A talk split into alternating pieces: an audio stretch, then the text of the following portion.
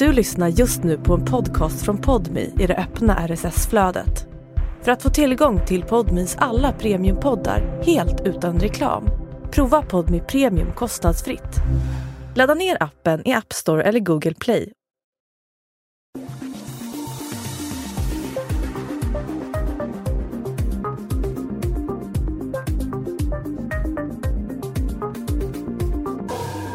En taxichaufför hittas död i en skogskant mellan Bua och Veddinge. Han har nyligen förlovat sig med Nathalie som också jobbar i taxiföretaget. Deras relation är fin och till synes okomplicerad. Men Nathalie har en desto mindre friktionsfri relation till sin mamma. Mamman Marie har nämligen svårt att släppa taget om sin dotter. Hon vill kontrollera vad hon gör, vem hon träffar, var hon bor och vilka vänner hon umgås med. Reglerna är tydliga och att bryta mot dem innebär konsekvenser. Men när Nathalie plötsligt flyttar till en egen lägenhet i smyg tar mamman till ett nytt knep. Hon anlitar en privatdetektiv för att hitta dottern.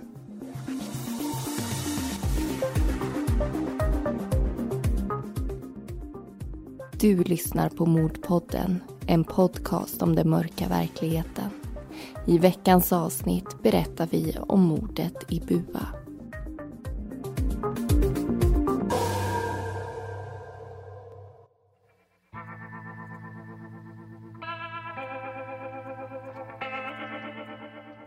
Walter driver en egen firma i Göteborg som privatdetektiv. 1998 får han ett telefonsamtal från en kvinna han aldrig tidigare varit i kontakt med. Hon heter Marie och vill ha hjälp att ta reda på vart hennes dotter har flyttat. Walter sätter sig i bilen redan samma dag och åker hem till Marie.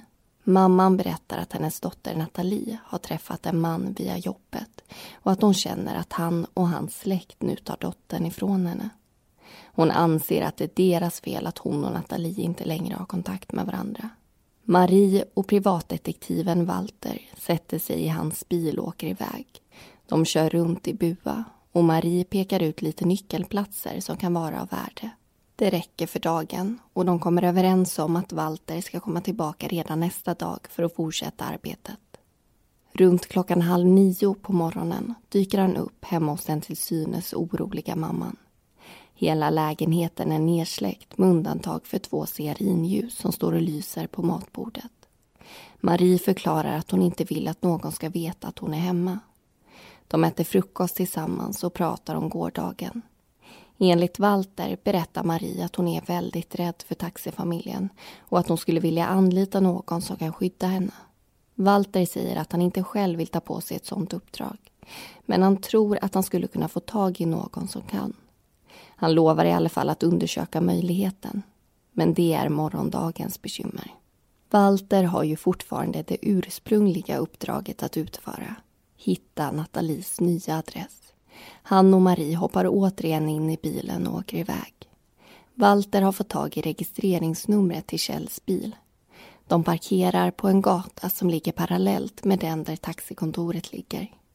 Därifrån spanar Walter genom kikaren han har med sig. Det verkar inte ge napp. Han får varken syn på Nathalie eller Kjell. De ser inte ut att vara där. Taktiken ändras. De åker planlöst runt i Bua och letar istället. När inte heller det verkar ge resultat parkerar de i närheten av Kjells lägenhet.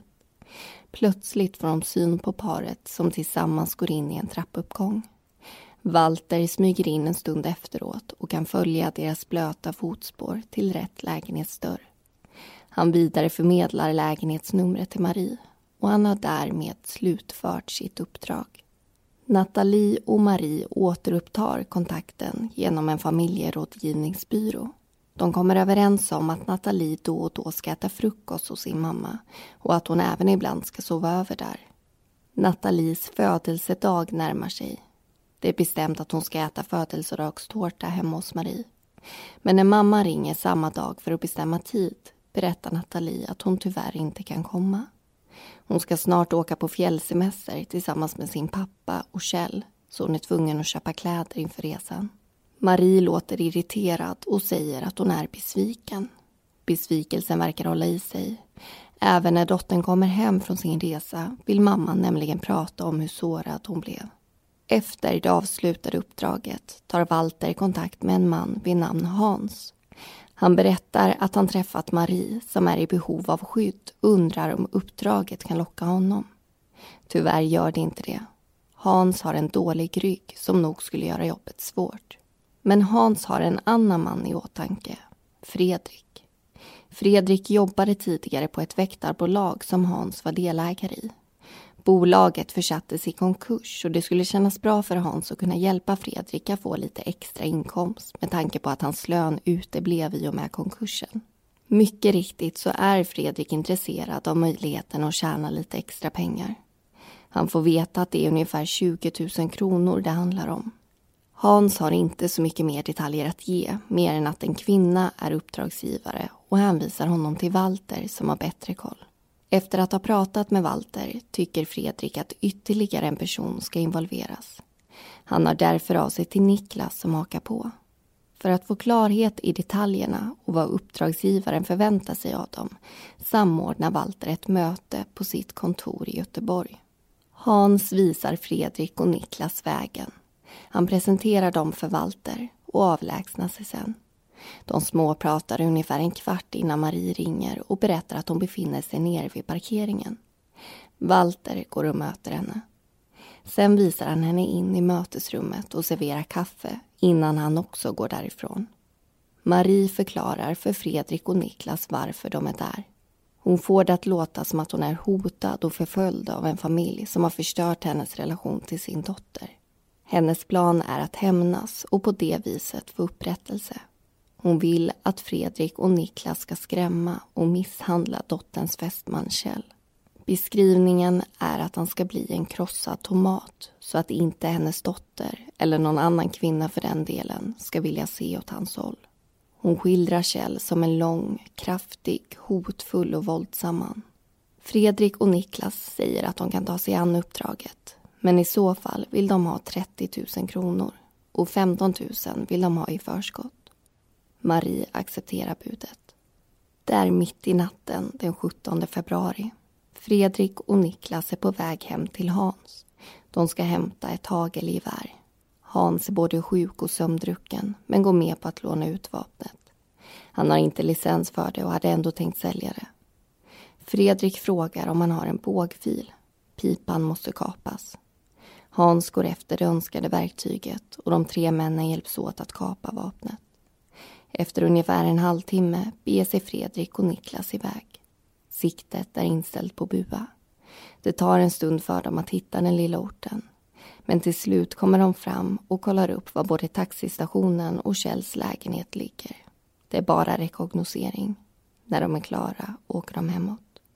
Den 2 mars återvänder de till Bua. Den här gången för att träffa Marie. Efter en kopp te visar hon de olika platser där Kjell brukar uppehålla sig. Det märks att hon hyser mycket agg mot hela släkten och eftersom hon har varit ganska öppen med det vill hon att deras attack mot Kjell ska se ut som ett rån så inte misstankarna dras till henne. Männen har redan fått sina 15 000 kronor i förskottsbetalning så det finns ingen återvändo.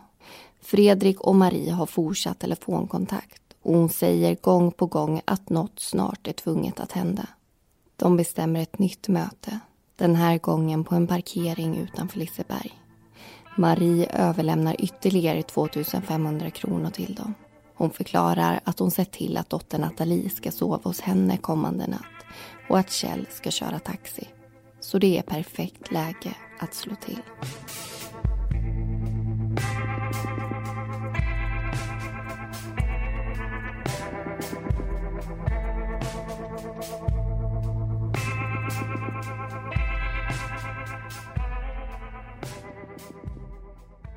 Ja, då vill vi välkomna er in i diskussionen i det andra avsnittet om mordet i Bua. Fredrik och Niklas har alltså tackat ja till ett uppdrag som de har fått av Marie. Marie har redan betalat ut ett förskott men slutligen så har de alltså kommit överens om att den här handlingen och det som de ska göra det är värt 30 000 kronor som de här männen kommer att få dela på.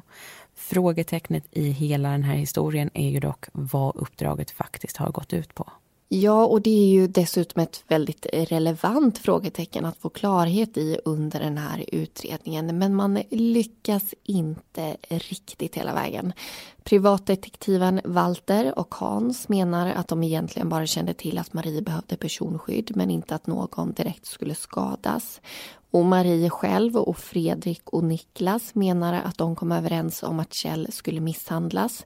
Det handlade om en grov misshandel där Kjell inte skulle gå att känna igen men det var aldrig tal om att döda honom.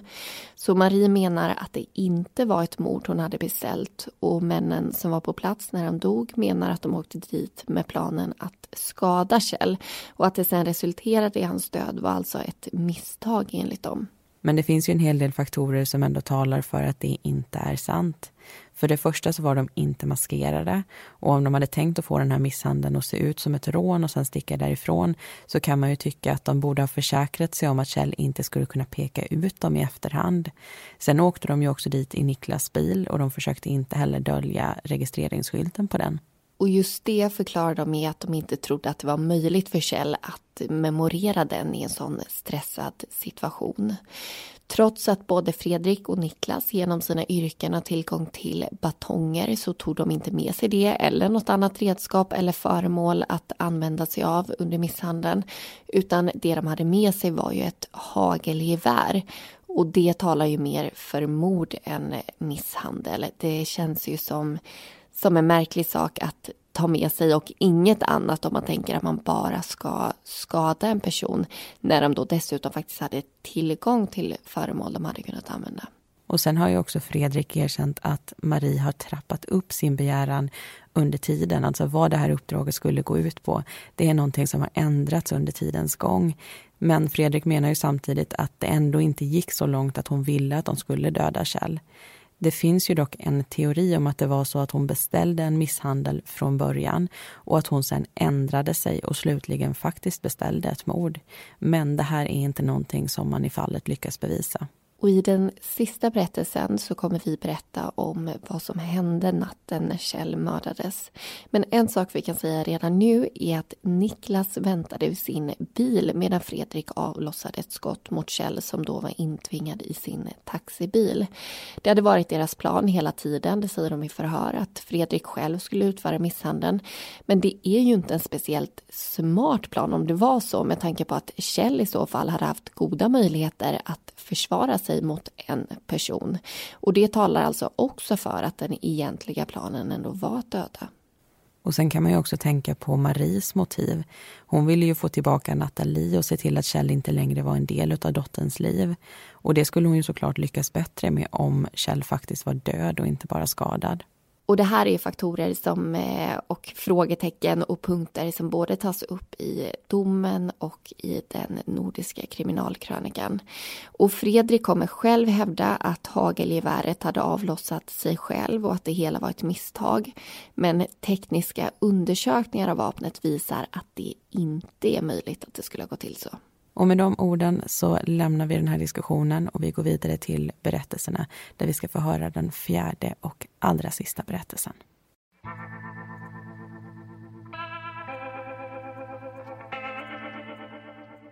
Fredrik och Niklas åker och ställer sin bil på en plats de redan varit och kollat ut.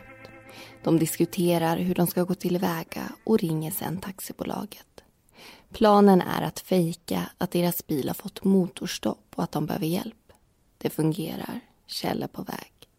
För att göra scenen trovärdig öppnar Niklas motorhuven så det ser ut som att de försöker fixa felet på bilen. Sen ställer han sig bakom fordonet för att hålla utkik efter taxin.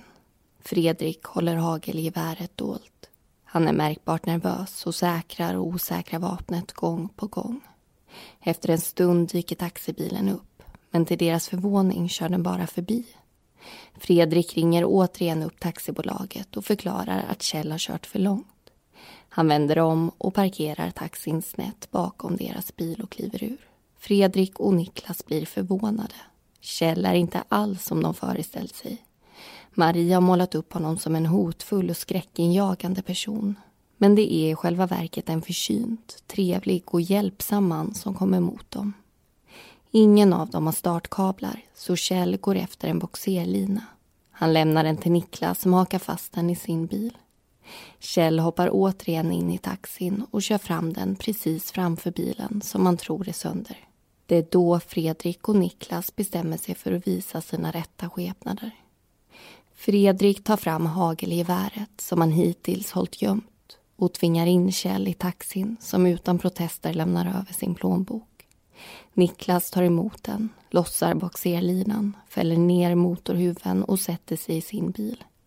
Han håller utkik efter andra trafikanter medan han väntar.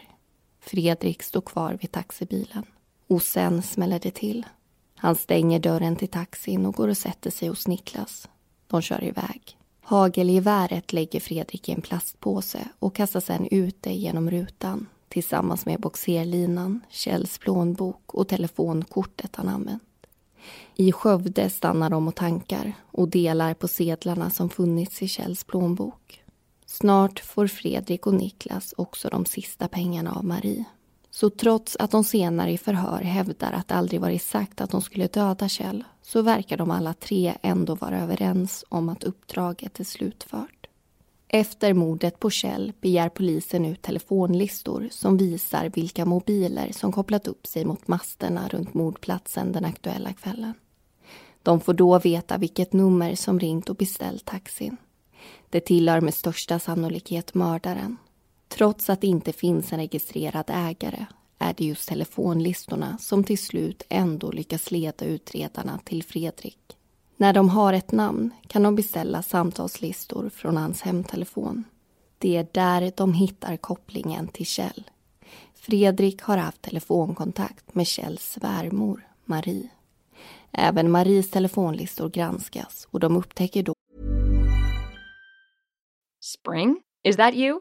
Warmer temps mean new Allbirds styles. Meet the Superlight Collection, the lightest ever shoes from Allbirds, now in fresh colors. They've designed must have travel styles for when you need to jet.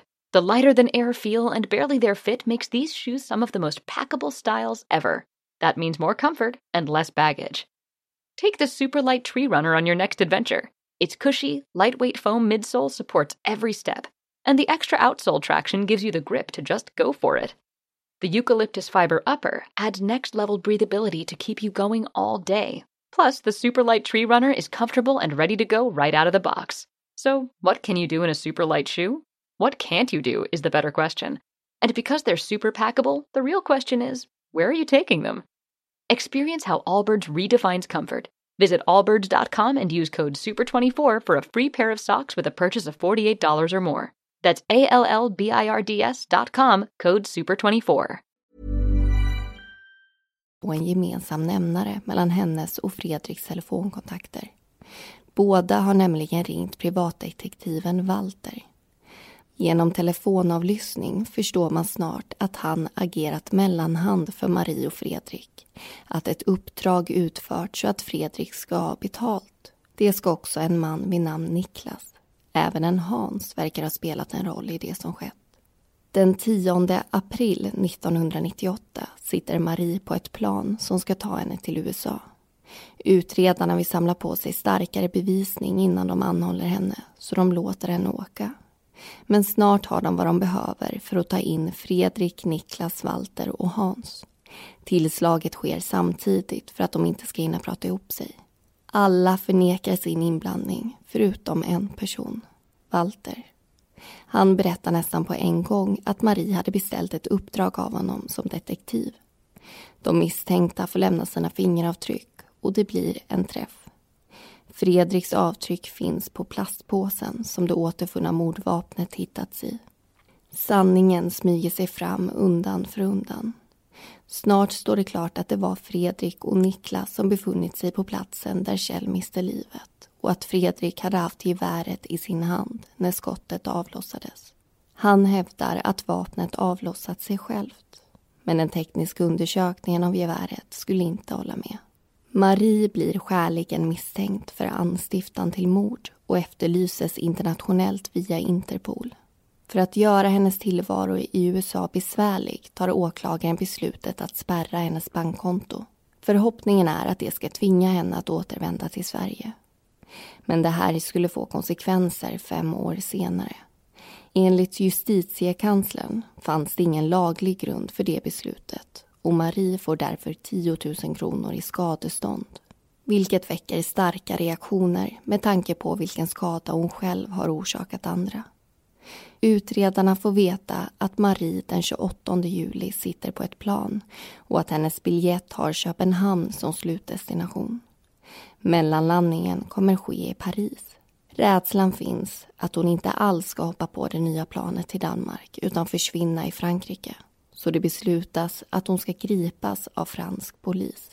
Samtidigt som kampen pågår för att få Marie till Sverige genomförs rättegången mot de fyra männen. Domarna faller, men ärendet ska också tas upp i hovrätten innan de slutliga påföljderna avslöjas. Den 29 december överlämnas Marie till Sverige. Hon har hela tiden nära till gråt och påstår att hennes vistelse i det franska fängelset varit oerhört traumatiskt. Men när de ber henne berätta vad det är som har varit jobbigt visar det sig att hon syftar på banala saker som att programmen på tv bara var på franska och att hennes lärare i franska inte hade varit bra. Den 25 januari 1999 inleds hovrättsförhandlingen mot männen.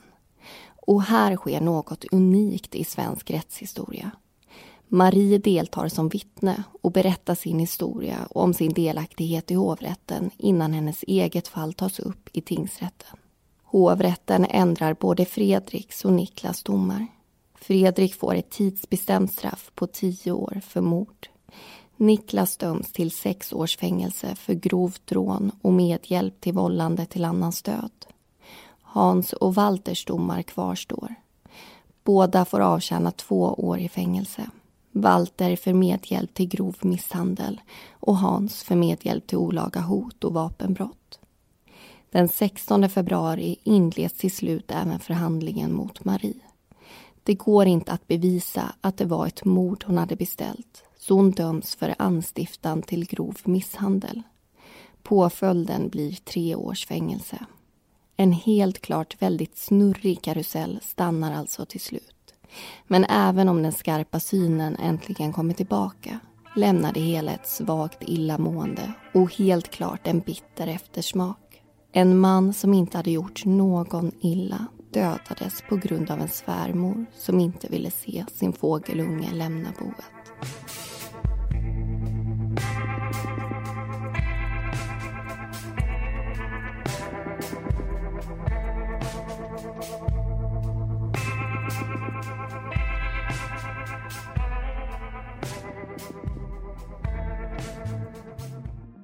Och det var allting vi hade att berätta om mordet i Bua.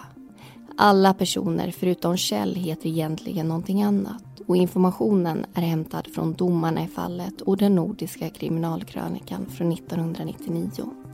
Nästa vecka är vi tillbaka med ett nytt avsnitt. Missa inte det.